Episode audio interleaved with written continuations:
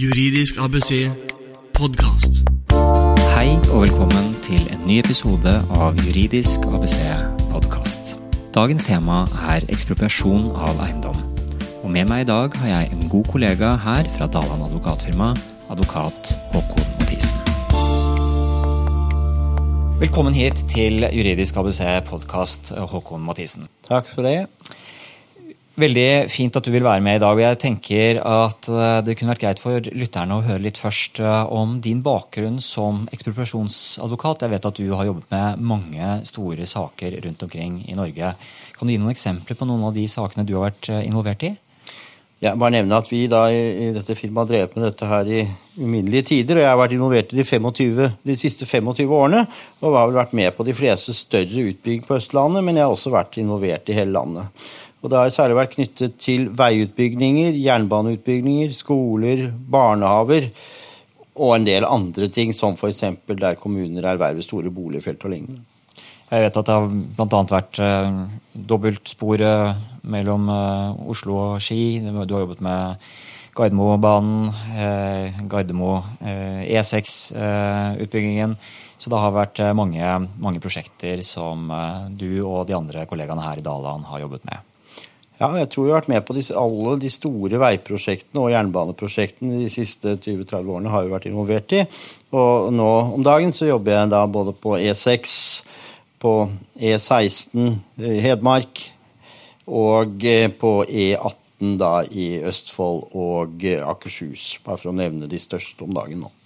Og da vet vi at eh, kompetansen du har på dette, og kollegaene her, den er det ingenting galt med. Og da tror jeg vi skal gå videre og dykke ned i dagens tema. La oss begynne med det overordnede. Kan du kort eh, beskrive for eh, de som ikke har inngående kjennskap til tingsretten, hva er egentlig ekspropriasjon? Ekspropriasjon er der noen tar eiendomsretten eller for så vidt en bruksrett eller lignende en rettighet du har, fra deg med tvang, eller at de har eller, så, eller såkalt trussel om tvang, altså at de kan tilkreve seg det hvis du ikke frivillig aksepterer å, å med, gi det fra deg. Det høres jo veldig brutalt ut, men det er realiteten. Og i Norge hvor den private eiendomsrett står veldig sterkt, så skjønner vi da intuitivt at uh, dette er et unntak fra klare hovedregler. Det er det, og det er også derfor altså, det er et krav om at det må være en spesifikk lovhjemmel for å kunne gjennomføre dette. Altså, det må en, finnes en lovbestemmelse som sier at i dette konkrete tilfellet så kan man gjennomføre ervervet fra f.eks. stat eller kommune gjennom tvang. Og da begynner vi å komme ned i, i, lovreglene. Eh, jeg har forstått at det er mange ulike regler som gjelder innenfor ekspropriasjonens område. Eh, men kan du peke på noen av de viktigste bestemmelsene? Vi har vel bestemmelser både i, i Grunnloven og også andre steder. Kan du kort gi oss et overblikk over eh, dette litt brokete rettsbildet? Ja, når det gjelder ekspropriasjon, så finner man for så vidt ingen direkte hjemmel i Grunnloven til at staten kan foreta dette. Eh, men det ligger jo forutsetningsvis i bestemmelsen i Grunnloven § 105 om at man har krav på full erstatning dersom statens tarv osv. krever at din eiendom eh, må erverves. Så Det ligger intuitivt i det, men selve hjemmelen for eksplorasjon ligger ikke i Grunnloven. Det vanligste, på sin vanligste hjemmelen for eksplorasjon er gjennom en eh, plan, altså etter plan- og bygningsloven. Typisk vei som blir da eh, vedtatt gjennomført ved et endelig reguleringsvedtak i en kommune. Det er veldig ofte der det starter. Man får en veitrasé. Denne blir behandlet eh, politisk og til slutt vedtatt av kommunen eh, i første omgang. Det kan også, nevner også at sånne vedtak kan ankes. Det er et forvaltningsvedtak som kan ankes på som alle andre enkeltvedtak i forvaltningslovens forstand. Det må hvis vi da skal fortsette litt i den mer formelle siden av dette, eh, så er det ikke nok at man har et vedtak om en, om en planvedtak. Det må også foreligge et konkret ekspropriasjonsvedtak av da den myndighet som har kompetanse til det i den konkrete situasjonen. Eh, og eh, Først da kan man i prinsippet gjennomføre en ekspropriasjon. Det ligger et par andre hinder på vei nå, men det føler jeg er litt mer detaljer. Men i prinsippet er det de to tingene som må foreligge. Så det, er, det du skisserer, er den, den offentliges, det offentliges ekspropriasjon, hvor det da, etter det jeg forstår, er en ganske lang vei dette skal gå. Først skal man gjøre en endring i reguleringsplanen for området. øh, Og, og det skal også fattes et konkret vedtak om at eiendommene A, B og, eller C, eh, der må noen avstå f.eks. til eh, vei eller barnehage eller, eller, noen av disse formålene. Det er riktig. Eh, jeg nevner også at i en enkeltsituasjoner kan private også gjennomføre ekspropriasjon til typisk adkomst til boligfelt etc. De formelle vedtakene må fattes av offentlige myndigheter, men gjennomføringen skjer, altså, kan skje privat. Det, men det er mer, kanskje litt sjeldnere, men det er, det er åpent for det også. Så det er tilfeller hvor kanskje man har en tomt som ikke har tilknytning til eh, veinettet, og man trenger å få vei over en nabos eiendom, og den type tilfeller? Ja, da kan man også Og det er samme prinsippet der. Det er en, det er en uh, reguleringsplan som sier at der skal nye adkomsten gå, og da kan man altså ekspropriere seg vei for å få dette til dersom en nabo eller flere ikke uh, medvirker til at man får dette minnelig. Så det er planprosessen her, sånn, i hvert fall i eh, et fugleperspektiv, eh, hvor det må foreligge disse forvaltningsvedtakene både i forhold til ramplan og ekspropriasjon spesielt. Man har også, jeg nevner det, man har også, Selv om det ikke foreligger en, en reguleringsplan, så har man også en, en, egen lov som heter ordegningsloven, som har direkte hjemmel for ekspropriasjon, men det må da, det er en prosess for hvordan disse vedtakene da må fattes. Formelt sett slik at de er gyldige. Juridisk ABC podkast. De som blir rammet av ekspropriasjon, hvordan er det de som oftest blir kjent med at eiendommen deres står i fare for å bli ekspropriert, enten da helt eller delvis?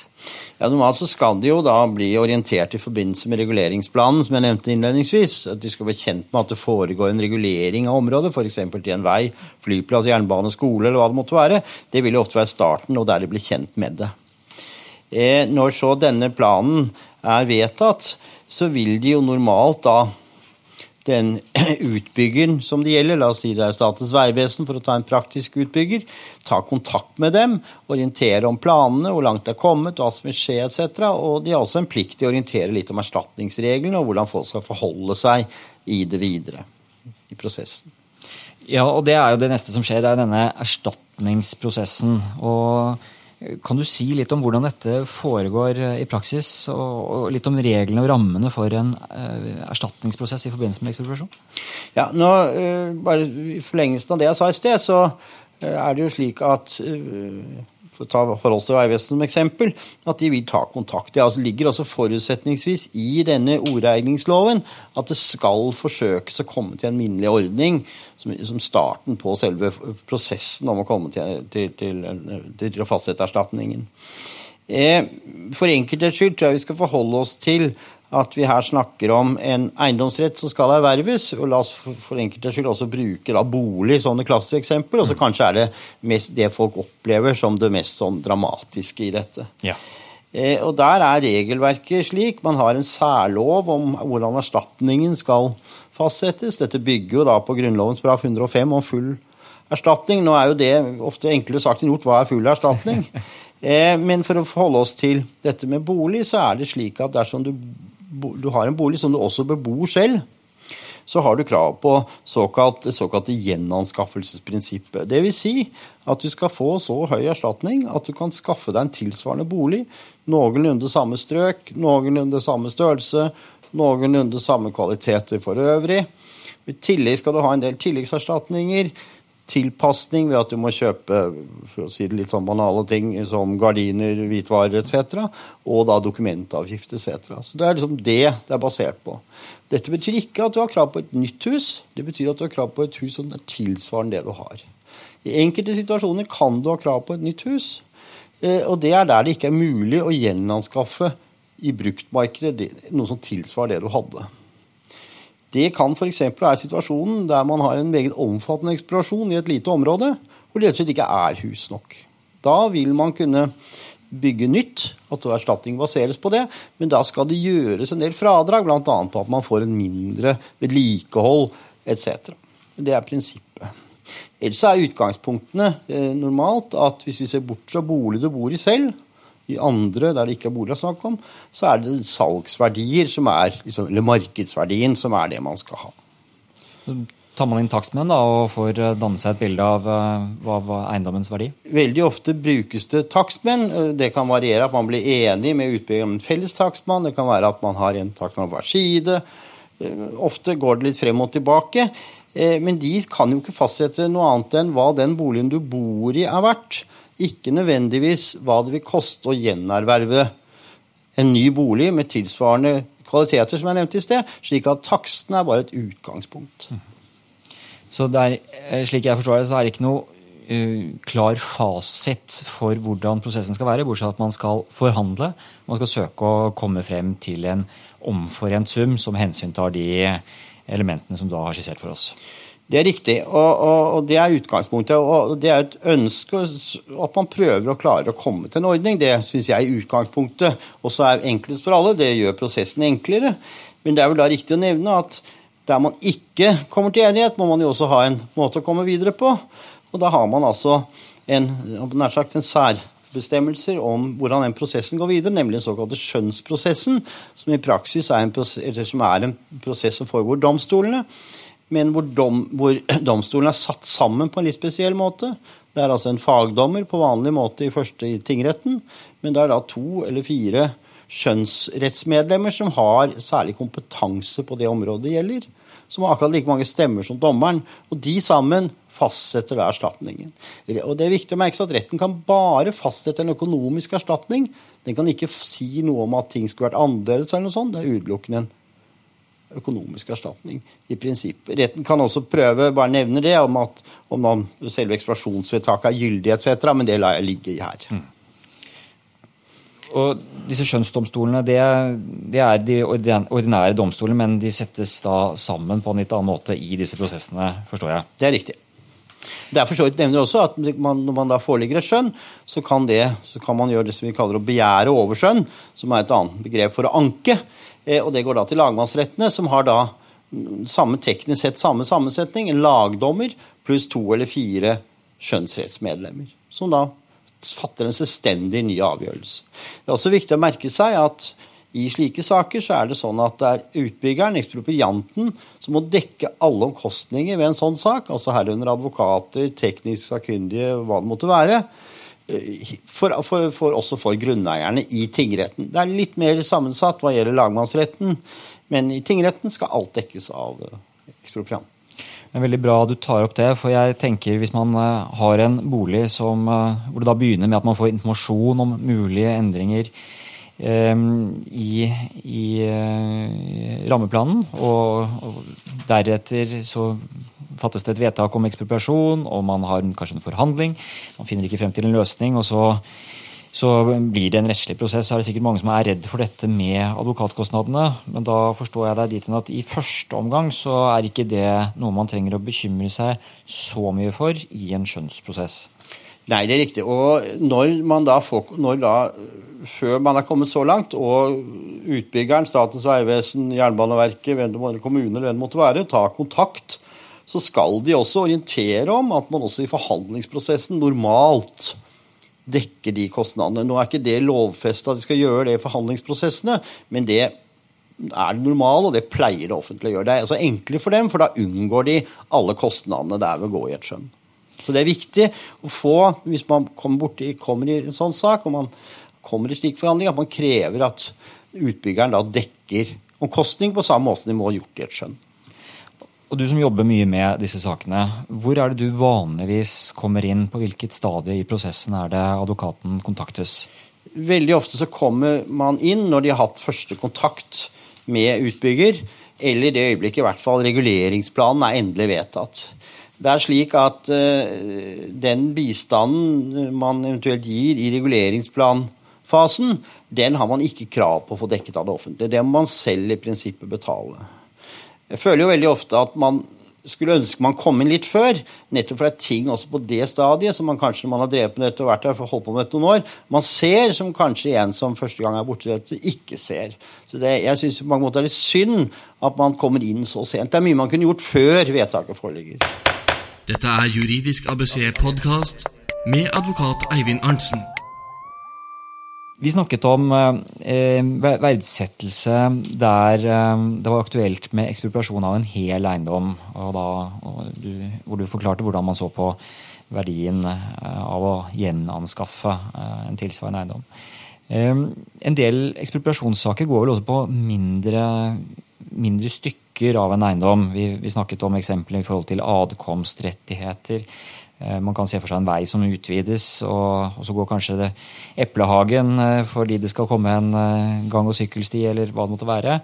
Og da, da, er det vel ikke aktuelt å ekspropriere hele eiendommen. Hvordan, hvordan, er det de sakene går, og hvordan er det erstatningen fastsettes i disse tilfellene?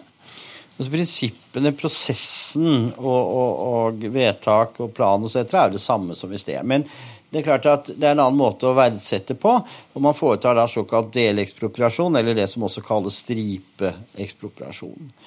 Eh, og Da har Høyesterett eh, et prinsipp som vel ble nedfelt ved slutten av 70-tallet, som kalles differanseprinsippet. Eh, og det vil si at du skal altså ha erstattet differansen mellom eiendommens verdi før og etter at inngrepet er gjennomført. Og det høres jo sikkert enkelt ut, men det er, kan være relativt komplisert. For det betyr ikke nødvendigvis at du har krav på vanlig kvadratmeterpris per meter du gir fra deg, for det er ikke sikkert at det er den differansen. Eh, det er også slik at Dette differansprinsippet består både av selve avståelsesdelen, men det består også av en ulempesdel. Altså at man på en måte slår disse to tingene sammen. Um, og får da en, på en måte en, en, en, pakke til slutt, at man blir enig med sånn og sånn sum, som består av begge disse elementene. Eh, og det, som sagt, må, det er vanskelig å være veldig generell her, for det må avgjøres helt konkret hva det vil si. Men det er iallfall tanken, at det er både ulempene og avståelsen som samlet får en såkalt differanseprinsipp, som differanseprinsipp består av. Hvis man er i en situasjon hvor det er aktuelt å få eiendommen ekspropriert, hvilke fallgruver er det man må se opp for som, eh, som grunneier? Jeg synes iallfall som, som igjen eh, altså, så er det selvfølgelig en fordel før man signerer noe som helst, å ta kontakt med juridisk bistand. For i det øyeblikket du har signert, eh, så, så, er på en måte det gjort. Jo, disse, disse, sakene starter ofte med at uh, utbygger ønsker at du skal signere en såkalt arbeidsavtale, tiltredelsesavtale, hvor de lar deg hvor du lar da det offentlige, eller hvem det måtte være, sette i gang prosessen før man på en måte har blitt enige om noe som helst. Jeg syns iallfall man, i prinsippet at det skal man ikke gjøre før man har konferert med noen. Det kan hende at du ønsket at det burde vært lagt forutsetninger for den tillatelsen, eller kanskje i enkelte tilfeller at man slett ikke skulle gi tillatelse i det hele tatt. Og det må noen som har, har den nødvendige kompetanse og ekspertise på dette området, vurdere før man undertegner. Og det skal også utbygger orientere deg om at du bør få noen til å se på. Hvis det er noen som hører på som er i en situasjon hvor det er aktuelt med ekspropriasjon, enten at man da blir utsatt for ekspropriasjon, eller at man, man kanskje har behov for å ekspropriere en vei eller adkomstrett, eller hva det måtte være, hvordan kommer man enklest i kontakt med deg, Håkon Mathisen? Ja, Det enkleste er jo å gå inn på våre hjemmesider. og Starte der hvor man har mailadresse og telefon. Og det er da tre ganger w.daland.no. Og, og, der får man da de nødvendige opplysninger om det enkelte, slik at man får tak i advokat som kan hjelpe med dette. Takk for at du ville være med i dag, advokat Håkon Mathisen. Takk for det. Du har hørt Juridisk ABC podkast. For mer informasjon om dagens tema, se juridiskabc.no. Her finner du flere podkaster og artikler innen arbeidsrett, eiendomsrett, familierett og temaer for deg som driver egen virksomhet. Meld deg på vårt nyhetsbrev på juridiskabc.no.